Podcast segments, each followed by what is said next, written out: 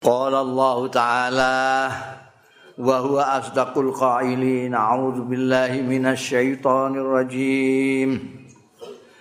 ليس البر أن تولوا وجوهكم قبل المشرق والمغرب.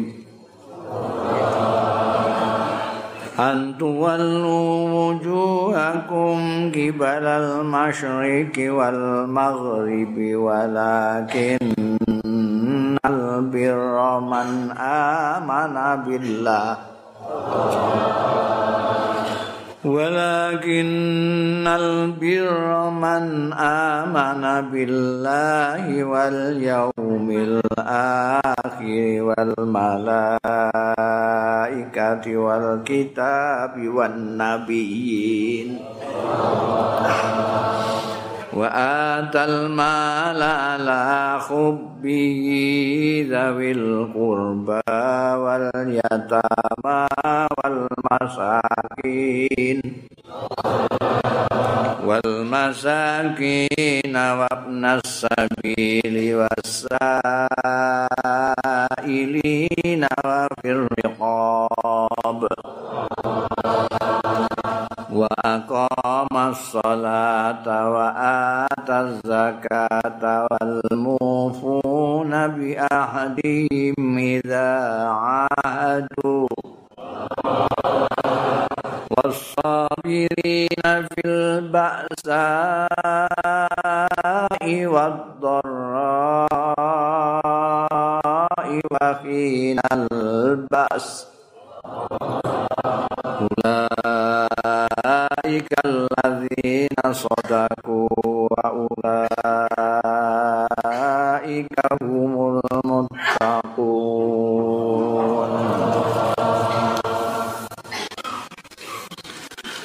Laisal birra ora ana iku kawilang ngamal bagus. Antualu tayen to ngadepake sira kabeh wujuhakum ing rai-rai kabeh. Kibalal masriki ing dalem arah wetan wal maghribi lan arah kulon. Walakinnal birra angin tetapi ne ngamal bagus. Iku man wong amanah kang iman ya man billahi kelawan Gusti Allah wal yaumil akhir lan dina akhir. Wal malaikati lan para malaikat. Wal kitab lan pira-pira kitab. Wan nabiyina lan pira-pira nabi. Wa atal malah lan maringi ya man al mala ing bondo. Ala hubihi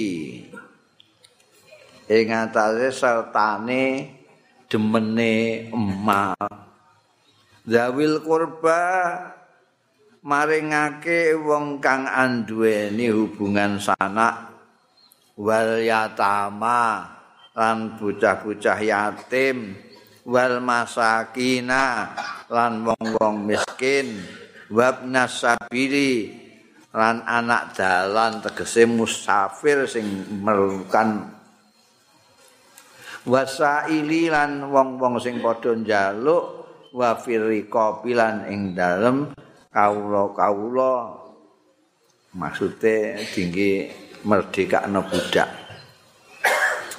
Wa aqama sholata lan jenengake ing sembayang wa atas zakata lan maringake ya man az-zakata ing zakat wal mufuna lan wong-wong sing padha nuhoni bi ahdihim kelawan janjine mufun iza ahadu tatkalane padha janji ya mufun. Wasabiri lan wong-wong sing padha sabar padha tabah fil baksa ing dalem pancabaya ing dalem kemlaratan wadharai lan nalika untuk lara. Wa khinal baksi lan nalika berjuang ning peperangan. Ulaika utahe mengkono-mengkono wong-wong mau iku alladzina sadaku wong-wong sing bener tenan sing temen. Wa ulaika utahe wong-wong mau hum ya wong-wong mau iku almuttaqun. Wong-wong sing jenenge takwa karo Gusti Allah iki asal suwe niku ana wong-wong Nasrani karo wong Yahudi niku gegeran. Jarine wong-wong Nasrani nek kepengin cedak karo Gusti Allah, parek-parek Gusti Allah ya madhep ngetan. Yahudi ya ora ya madhep ngulon. Nek wong jarine wong Jawa madhep ngulon. Mergo kiblate ning ngene ulon mereka. Gegeran perkara keapian sing iso marekno Gusti Allah menika. Ternyata Gusti Allah ngendika lae salbir ora iku. Persoalane ora kok madhep ngetan, madhep ngulon ngono. Kepengin parek Gusti Allah terus madhep ngetan, mas ngulon. Niki nggih saged dimaknani. Pokoke nek kepengin parek Gusti Allah pokoke sembahyang sing penting iku. Heeh. misoi kancane ya apa-apa. Laisal bira antuallu wujuhakum kibaral masiki. Ora jeneng kebagusan sing marekake ning Gusti Allah nek kowe padha madhepake raimu ning gone ngetanan kuna. Lah terus sepundi sing namine bir menika? Kebajikan perbuatan baik yang mendekatkan kepada Allah itu lalu apa? Terus dirinci. Yang memiliki iman. Man amana billahi wal yaumil akhir. Wong sing iman ning Gusti Allah. Ini landasan pertama iman ning Gusti Allah taala iman ning dina akhir dina kiamat iman anane malaikat-malaikat iman ana kitab-kitab Gusti Allah taala, iman karo nabi-nabi utusane Gusti Allah taala. Iki landasan keimanan. Kok mau lima? Jadi ini rukun iman niku ana lima. Mulane sampai ampun ndelok Quran tok. Ana to mriku ana setunggal malih namine hadis. Nah, Quran dan kadang. Wong saiki no wengkeke ra karuan. Yang penting kita Quran. oh itu. Pokoknya kita kembali Quran itulah perjumpaan kita. Jangan yang lain-lain. Jangan lain-lain dia mau lima imannya. Wong sing keenam menika iman terhadap qadar khairi wa syarrihi minallah menika dateng hadis dateng Quran. Sembayang limang waktu sak piturute niku ana sing limang lima apa patang rakaat langsung rakaat langsung rakaat nggih mboten teng Quran. Teng hadis. Jadi harus dua-duanya itu yang singgu delok. Sing kepenak dhewe nggih melok ulama mawon sing wis wis maca Quran wis maca hadis karek gawe kitab pinter iki he takrib waca iki lho Lah wong-wong niku mboten ngerti rumangsane ulama-ulama niku ngarang dhewe. Ana omak kok ngarang dhewe iku piye? Masane ngarang dhewe. Mbayang iku ana dhuwur asar iku rumangsane gaweane dhewe ulama. Boten niku saking apike saking sakakene ulama-ulama kok dateng kita sing ora pati iso maca Quran apa meneh memahami Quran. ora sempat mempelajari hadis-hadis, digawekno buku pinter. Kilo, jadi kowe nek sembayang-sembayang ngaji Quran gak rampung-rampung, ngaji hadis gak rampung-rampung, kowe wis aku wae sing mempelajari. Ulama niku mempelajari Quran nemen pun sak jelimeti kabeh digoleki mulai maknane makna lugate, makna sastrane, sebabnya apa kok ana ayat iki turun? Lak piturute ilmu tentang Quran sing dipelajari kabeh. Hadis nggih ngoten dipelajari kabeh. Terus kangge nulungi dulur-dulure sing ora kober delok Quran, delok hadis kaya ngono kuwi digawekno buku pinter. Mulai sing ndek-ndekan sulam sapina. Unggah sithik takrib, unggah sithik fathul muin, mundah sithik fathul wahab. Mergo wong niku macam-macam tingkat-tingkatane niku. Ya sakniki wong mletene ra karuan. Akeh ngentuk ilmu kok internet ngono ae wis. Iso moyo Imam Syafi'i barang diapurmu. Geseten kula niku. Ora usah ulama-ulamaan asah. Langsung Quran hadis, dapur muai Quran be hadis ora paham kok dadak. Ngongkon wong kon muka Quran hadis. Niku wonten ilmu niku kawaid. Bagaimana memutuskan hukum berdasarkan Quran nyampur mbek hadis. Nek ana hadis sing ketoke bertentangan piye carane? Niku ana kabeh ilmune Quran niki niku wonten qiraah sapa? Wacanan mboten padha.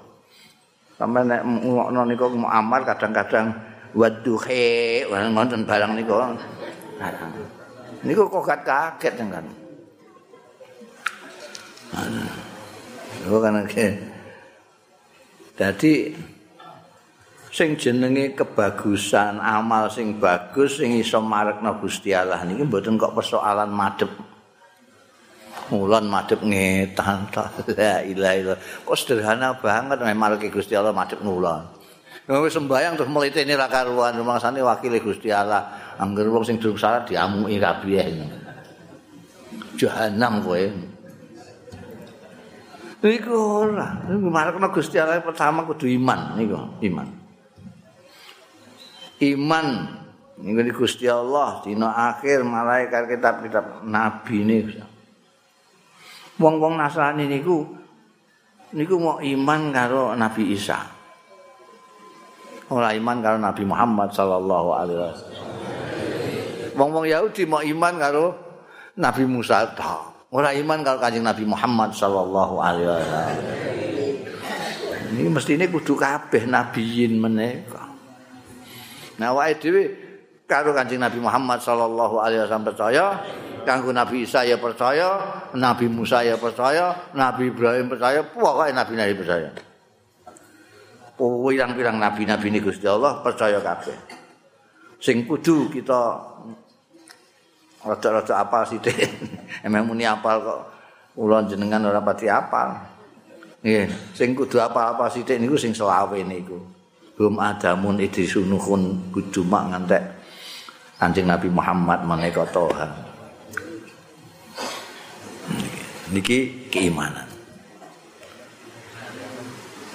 Terus niku wa atal mala ala hubbi.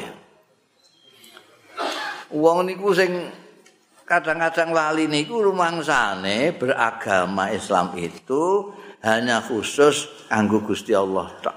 Nangger wis iman karo Gusti Allah segala macam.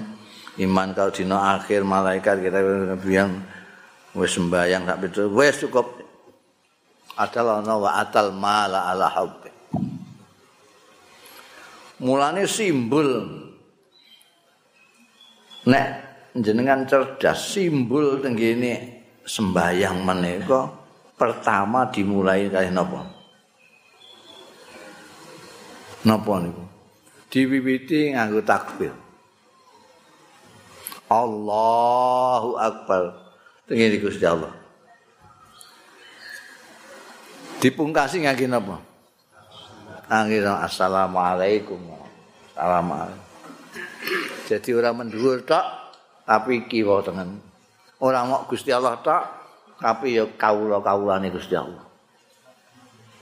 Sampeyan kok apik karo Gusti Allah tok ora apik karo kawula-kawulane Gusti Allah ya kurang. Padha karo sembahyang enggak salam. Iku kudu apik kan. Ana wong niku pokoke sing penting adalah apik karo Gusti Allah. Senajan ngewoki kawulane Gusti Allah. Kuwi ora bener. Golek ridane Gusti Allah tapi nglarakake kawulane Gusti Allah iku ora masuk akal Sampeyan ajeng nyenengake kula, golek ridho kula. Tapi anak kula sampean keplaki. Tidak mungkin toh kula seneng kaya sampean niku. Lho kene seneng mbek aku ya anakku diapiki to. Kok malah mbok keplaki piye? Ini logikanya bagaimana? Kalau menyintai orang tuanya,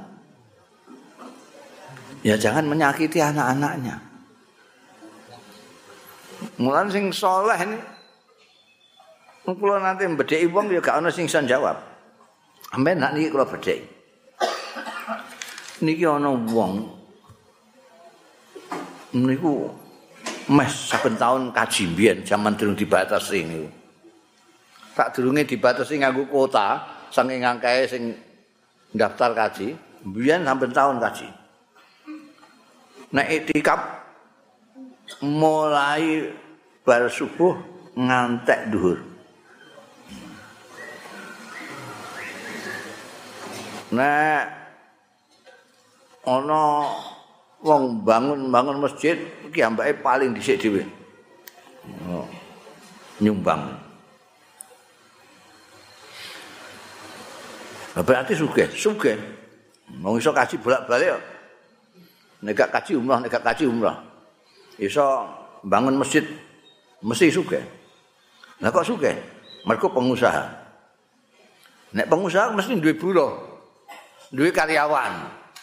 Lah wong niki karo karyawane niku meres keringete. Dikon nyambut bae sebanyak-banyaknya digaji sedikit-dikitnya. Jadi mulane ndekne sugih mergo karyawane, tapi ki ambake saged iktikaf ngantek dhuwur karyawane jamaah ora iso. Mergo kon nyambut gawe terus dipleter-pleter terus. Niki setunggal ini sampe cekel kaji niki. Tunggale malih. Iki wonten kanca kula apike karo wong gak karo-karuan nek mbek wong tuwa ngurmati mbek cah enom menyayangi mbek tangga apik ngurmati tamu. Apik pokoke karo tapi ora salat. Niki pertanyaanku lha apik endi? Kaji mau karo niki Eh? Bingung ta sampean? Bingung. Apa endi kaji mau ambekan kanca kula niki kok. Oh, sampai diskusikan itu ngantean kiamat karong dino, Mbak. Sampai tetap gak iso mutusno iku. Apik endi?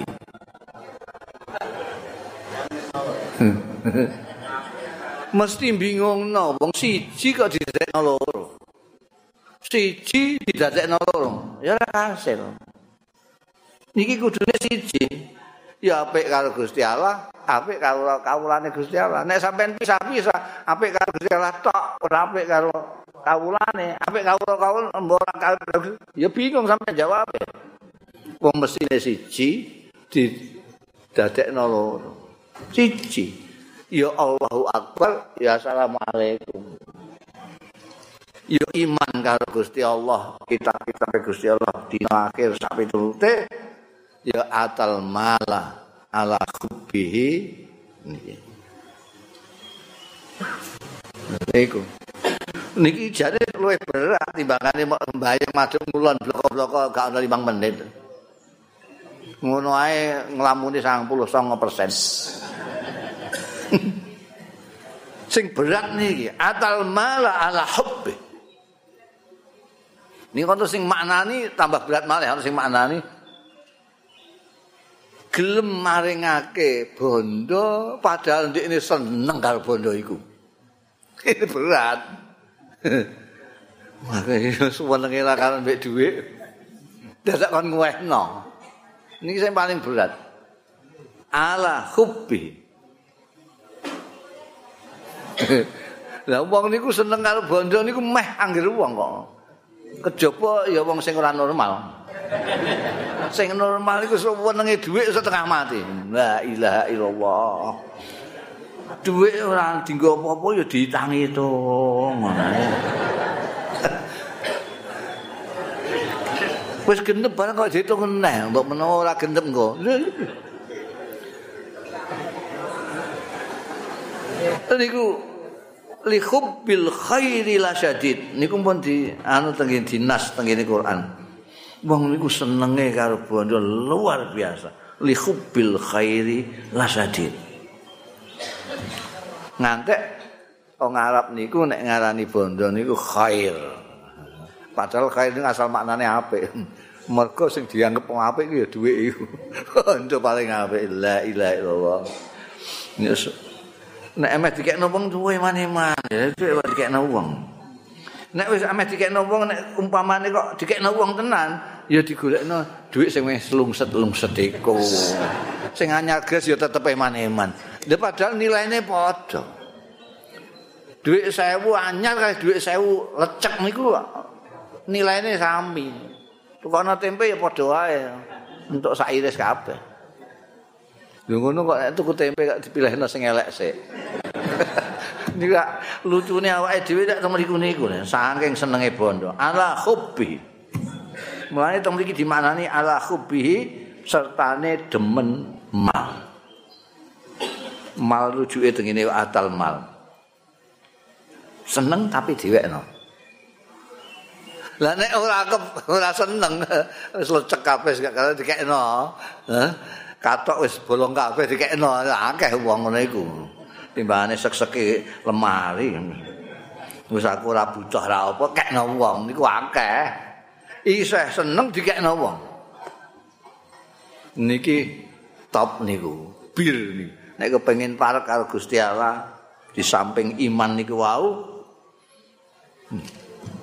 wani memberikan sesuatu harta yang dia juga masih seneng dicintai.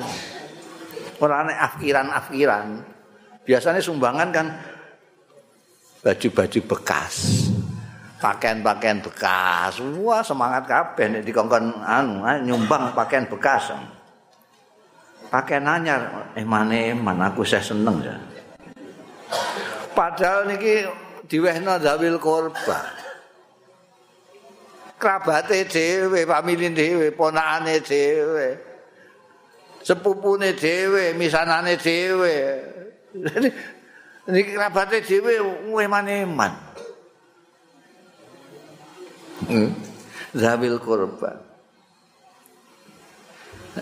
Jadi wis iso wani menehno bondo sing disenengi ning gone kerabate dhewe, ning gone bocah-bocah yatim. Cah yatim kakek gak di bapak gak di mbok. Sampai nek seneng karo nyatah yatim niku berarti seneng karo kanjeng Nabi Muhammad sallallahu alaihi wasallam. Nek apa mergo kanjeng Nabi Muhammad sallallahu alaihi wasallam mboten trimo yatim yatim piatu. Yatim piatu mulai lahir wis gak kagungan rama isih cilik ibune apundhut dipupu di meng karo mbae lan delok mbae kapundhut sisan. Terus dimeng mamane. Niki yatim piatu kanjeng Nabi niku awake dhewe niki dawi memberikan kepada sanak pamili, cah-cah yatim, wong-wong miskin. Wong miskin iki termasuk wong ngene istilahnya biasanya ana miskin ana pekir. Dan itu nek sing apa mbakas serius niku wah dibedakno niku.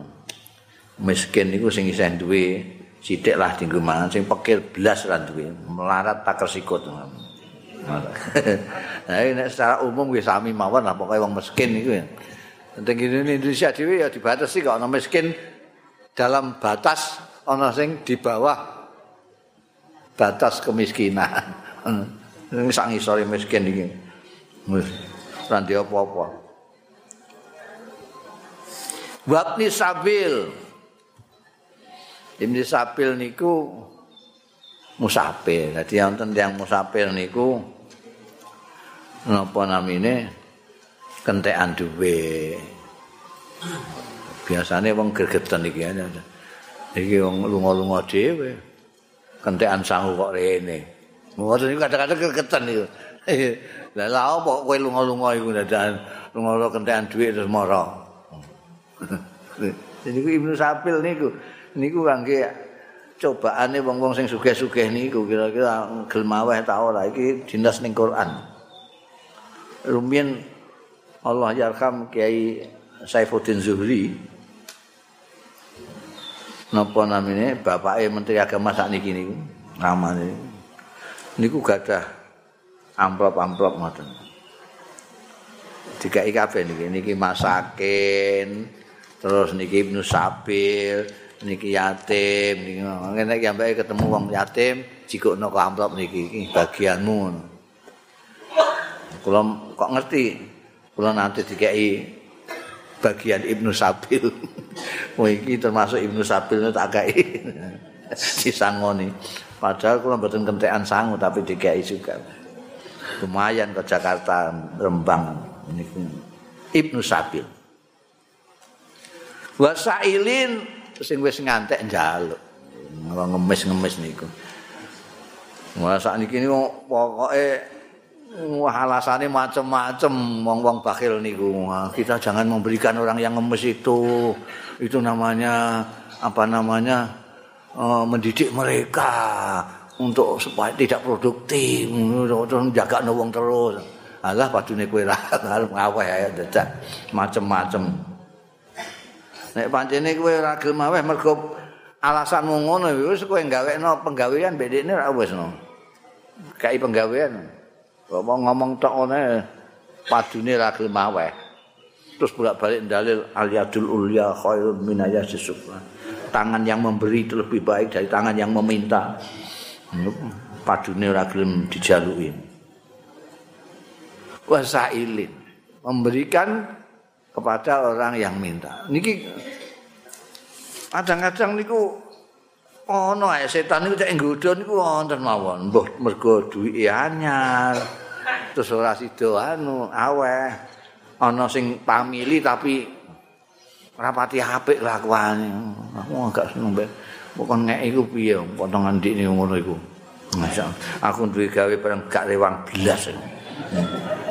Moro-moro terus njaluk bagian wis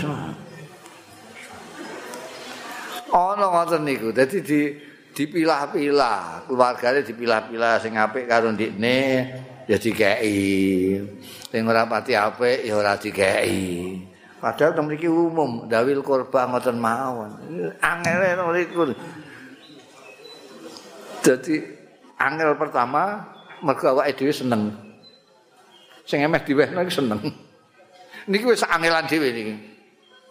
Ya Allah, iki nek tak kene wong aku ku nek pengen rokok piye carane.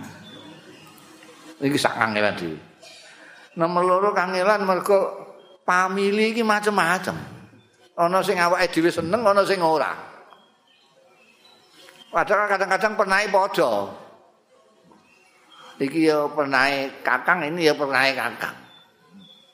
Sing sitoke iki gawene silaturahmi sak yo gak. Padahal sing ngogak niki marat. Hmm. Sing gawe silaturahmi ora pati marat.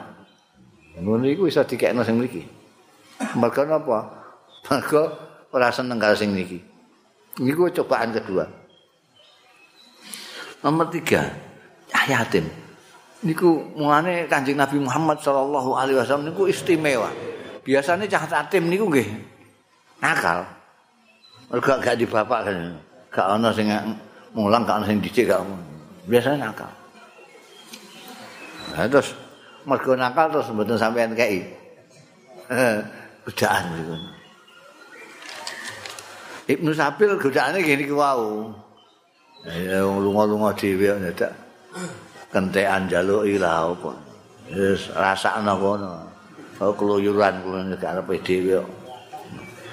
Niku. Terus wong sing njaluk, wong sing njaluk niku nggih niku wau.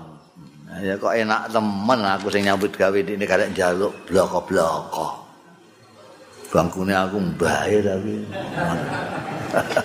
salah kok males ngono niku niku godaan berikut Ajeng wa firikop wa firikop menika rumiyin rumiyin menika nek ana budak kepengin merdeka niku ana sing nyicil. Budak niku kaya barang zaman kuno niku. Ana regane.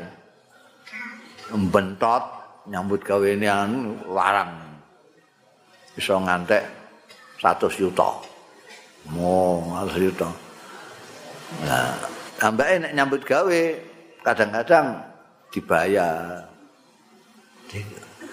mau diupahi karo wong-wong sing napa nyambat macak klopo diomahi dadi wong budak zaman biyen iku ana sing nyelengi dhuwit Nah, ana budak sing kepengin merdeka niku terus nyicil karo bendarane, kaite. Kula tak nyicil awakku lho. Mangke nek bot sampean merdekano. Yo. Niku nek budak kitab ya. Nyicil aula nyicil ngobot merdeka. Nah, budak sing ngeten niki ampen sukani. ben dinggo nyicil awake ben merdeka. Gara-gara tengene Islam menika banyak sekali nilai-nilai sing kangge kepentingan budak-budak niku. Sakniki teng Islam boten wonten budak blas. Resik. Ana duwe kesalahan ngene kon merdeka anak budak. Ana ngene anjuran-anjuran memberikan kepada masyarakat, kepada yatama masuk bafil rikob. akhirnya saat ini teng Islam buat nonton budak. Padahal di lain Islam masih ada budak. Jadi perbudakan niku pun nonton zaman saat durunge Islam. Tapi yang serius menghilangkan perbudakan niku Islam dengan cara itu. Nek ana pelanggaran, pelanggaran-pelanggaran dikongkon bayar dengan cara memerdekakan budak. Ini ono anjuran memberi termasuk budak dimasukkan situ. Akhirnya entek saat ini. Mboten nonton budak. Jadi saat ini gini pengajian pengajian fikih niku mau dibakas tok tapi ora ana kenyataane mergo wis ora ana budak. Nah saat ini kita sing bakas nggawe gawe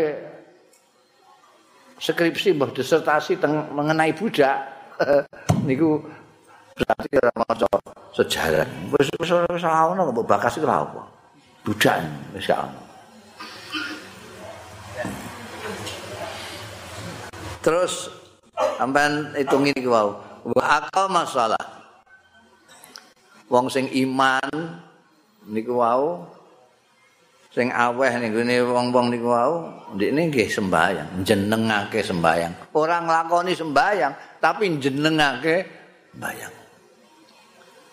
Mboten fa'ala salat, amila salat, tapi aqama salat. Jenengno niku tegese nglakoni salat sesuai syarat rukune lan setiap saat. Ana wong niku sing salat tapi ora ora saben wektu. Kadang-kadang lima waktu, kadang-kadang patang waktu, kadang-kadang telung waktu. Iku namine salat dantek. Kadang. Nek pendak randi duit semua kepirakalan salat ya. Nek duwe wakil suara lali sembayang. Niku ki wonten. Mulane wonten akok masalah jeneng masalah. Sembayang imu salat. Akok masalah. Ning dia ya ning Rembang ya salat, ning Juwono ya salat, ning Semarang salat, ning Jakarta salat, ning Singapura salat, ning Los Angeles salat. Kadang-kadang wong mboten salat mergo kumpulane ora ada salat kabeh. Aku kok isin salat dhewean. Jenengno salat. Wa ata zakat Iki beda malih kalih niku wau. Zakat niku menawa kepastiane. Bondone semene nek wis cukup semene batas waktu zakat niku ana.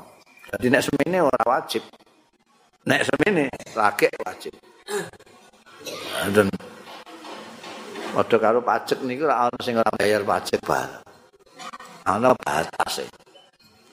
Nenggone pekeh namine nisab. Wis cukup nisabe sampean bandane cukup nisabe terus weh zakat. Jane nek diitung-itung zakat niku mboten bejaji. Misalnya zakat anu niku harta niku mau dua setengah persen. Padahal maklar sing mau udu abab tok niku minimal lima persen. Sampai gak ada sepeda, asik sampean dol, ya baik mau ngomong tok tiang, kowe butuh sepeda ya. Ora didono wong sendiri. Kok untuk lima persen, kene lima persen, sepuluh persen. Nah, zakat ini dua setengah persen. Orang menjadi belas. Tapi mereka lihub bil khairi lasadi seneng bondo niki wau sing nyebabno wabah wong zakat niku. Umpamane wong Islam ora kabotan zakat, wah pun ora perlu pajak wis sejahtera kabeh. salat zakat. Wonten tesih wonten terus wal mufuna bi ahadihim idza ahadu niki. Nuhoni janji termasuk nek pengen parek-parek Gusti Allah kan antara lain janji kudu ditepati sampai nek nyalon-nyalon ngoten niku ora mesti janji-janji ya. Nanti kalau saya jadi, oh, rakyat sini akan saya sejahterakan semua. Wabeh wong tak kayak duit kabeh, ben sugih kabeh. Janjine muluk-muluk bareng wis dadi. Dilingno kowe biyen janji ngene. Dik kapan aku janji ngono?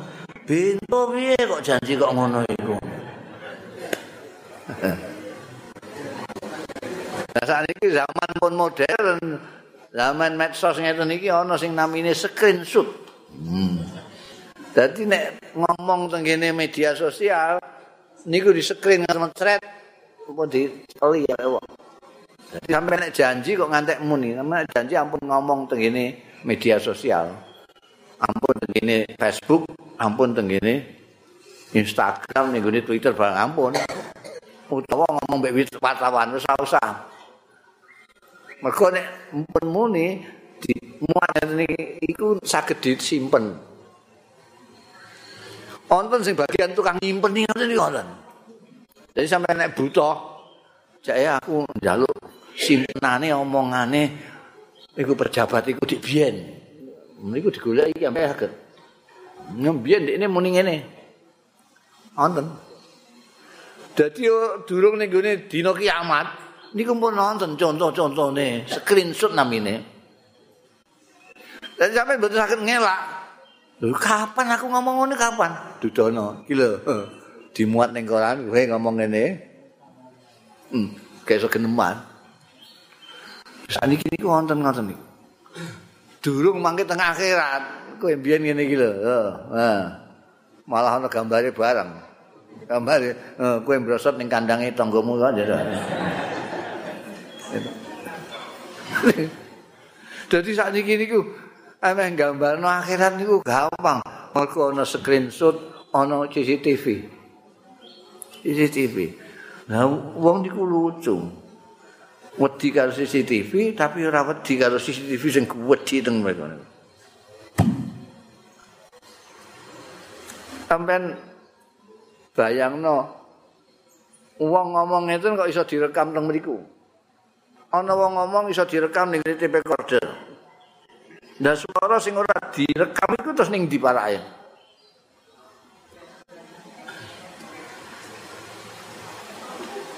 Biyen nonton TV kok sak nonton macam-macam niki ana jenenge tip.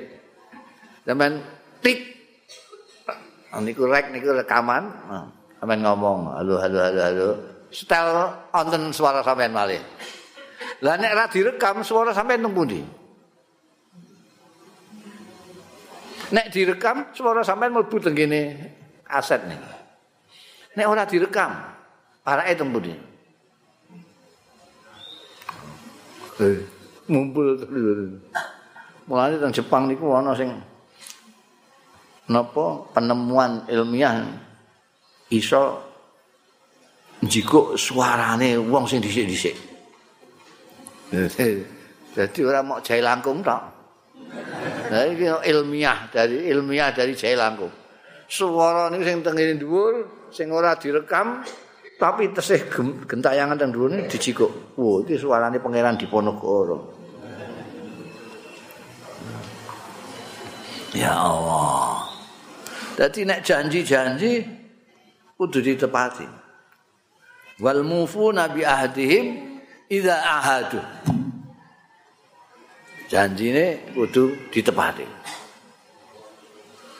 Niki. Hmm. Lah niki niku janji niku kepenak era karuan janji arep butuh apa-apa janji-janji ngoten. Terutama niku nggih. Wayahe kampanye ngoten niku janji bertebaran di mana-mana. Bareng wis dadi ora padha menepati janjinya. Padahal sembayang.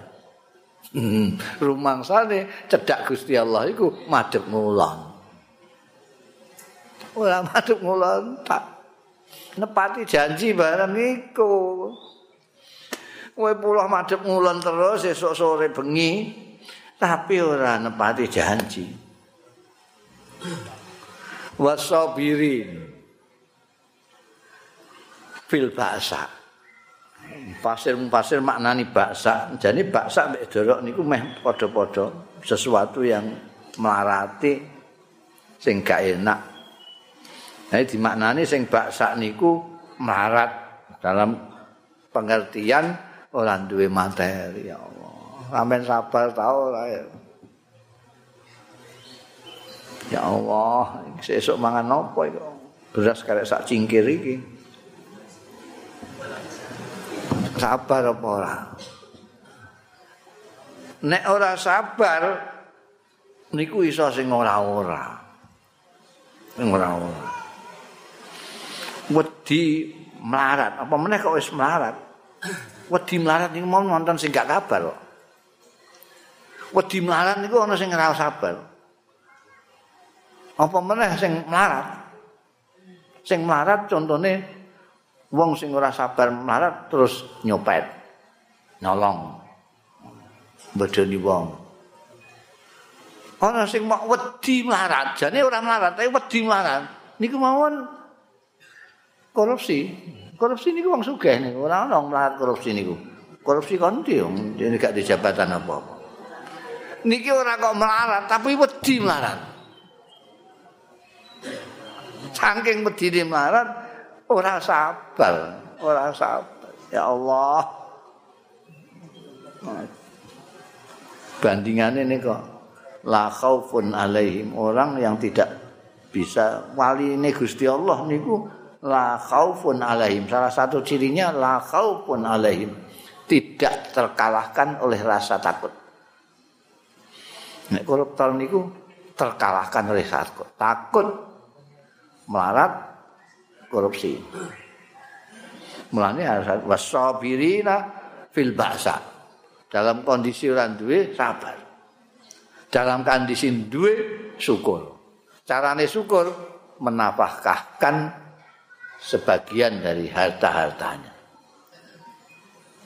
Doro dimaknani lara. Mergo awake dhewe niku ana coba sing berupa kekurangan materi, ana sing berupa kekurangan kesehatan. Ana sing dicoba marat kuat, dicoba lara ora kuat. Ana sing dicoba melarat kuat, dicoba lara kuat, dicoba sugih ora kuat. cobane Gusti Allah niku macam-macam. Kadang-kadang dicoba kepenak niku malah berat. Akeh sing ora syukur. Terus kemlete. Diparingi sehat wal afiat terus ngeplaki wong sing lemah-lemah iku. Hmm. Lan ing dalam perjuangan wakhinal baksi niku nek wong manani nggih ning perang sabar niku tegese ya aja mlayu. Jenenge wis wani maju perang nglawan orang wong sing merangi kita. Zaman evolusi niku wah kiai-kiai maju kan. Mulane ana sabilillah ana hizbullah. Mergo wonten wasabirina. Wakhinal pas. Sampai nak betul ngerti, ono Kiai Maimun bang tahu dari tentara. Oh, tahu dari kambe pensiunan tentara. Ono tahu dari koramil. Namanya. Biar bapak kulon pimpinan Hizbullah. Anak buah termasuk Kiai Maimun bang. Pak di kulo tentara Ronggolawe. Masa melawan Belanda. Sing tenggine 10 November banyak yang tewas niku sing kata santri-santri. Mergi ngerti wasobirina final bas ini.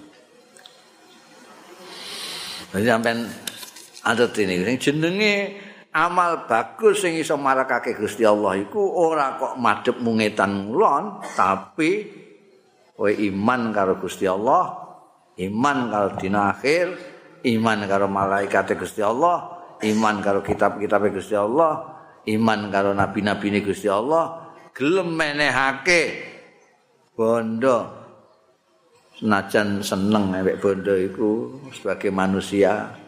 Menehake bondo ning gone dulure, kelabate, ning cacah yatim, wong-wong miskin, wong musafir, wong sing jaluk kanggo merdekakno budak. terus jenengno salat nglakoni salat sesuai karo syarat rukune lan ajek menehake zakat nek panjen wis wajib zakat. Memenuhi janji nek janji. Nek ora iso memenuhi janji rasa janji.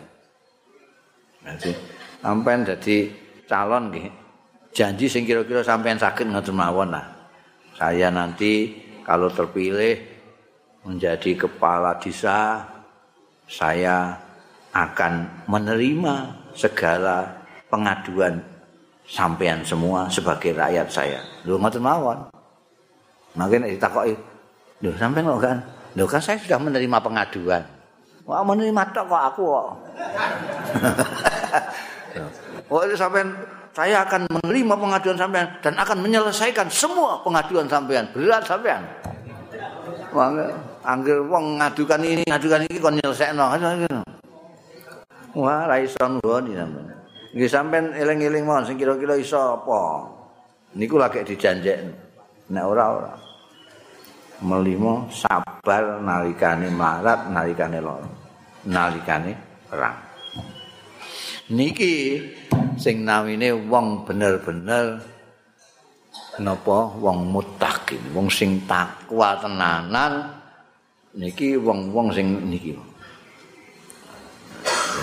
Sampean karek drayangi awake dhewe-dhewe mawon timbangane drayangi awake wong diamuk engko ngrayangi awake aku iki kira-kira kurang apa iki? Aku aku iman karo Gusti Allah wis iman karo dina akhir wis iman karo malaikat wis, iman karo kitab wis, iman nabi-nabi ini wis.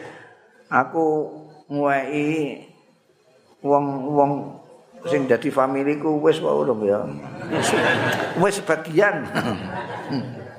Nguweki cah yatim wis wae sebagian.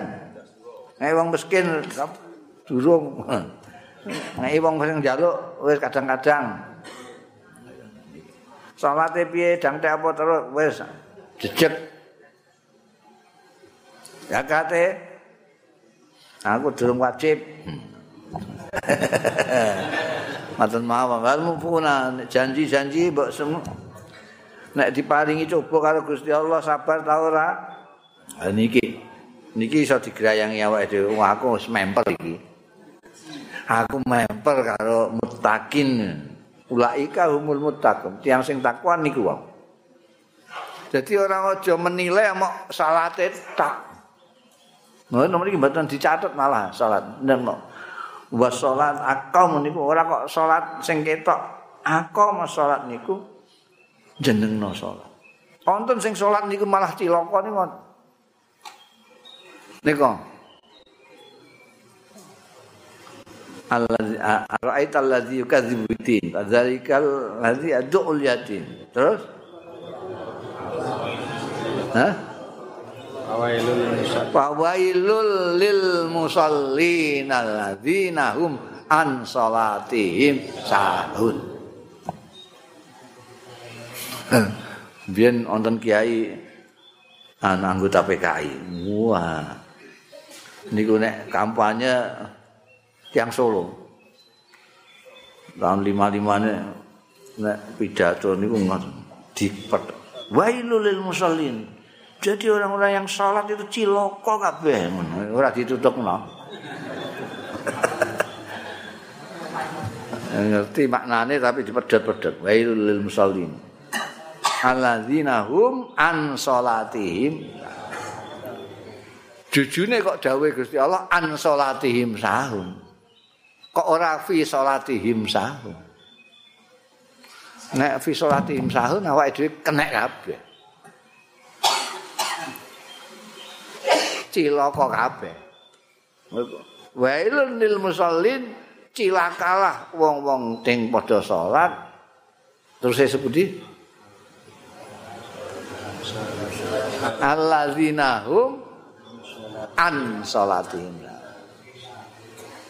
Nek fi salatihim sahun tegese cilaka wong-wong sing padha salat nek sembayang padha sahun. sahun iki lali laleh ora eling Gusti Allah. Berat kabeh cilaka kabeh. Wong awake dhewe niki arang-arang eling Gusti Allah nek salat iku. Ya kadang-kadang ae nalika Allah Akbar kelingan Gusti Allah. Subhanallah kelingan Gusti Allah. Liyane kelingane sinetron ae.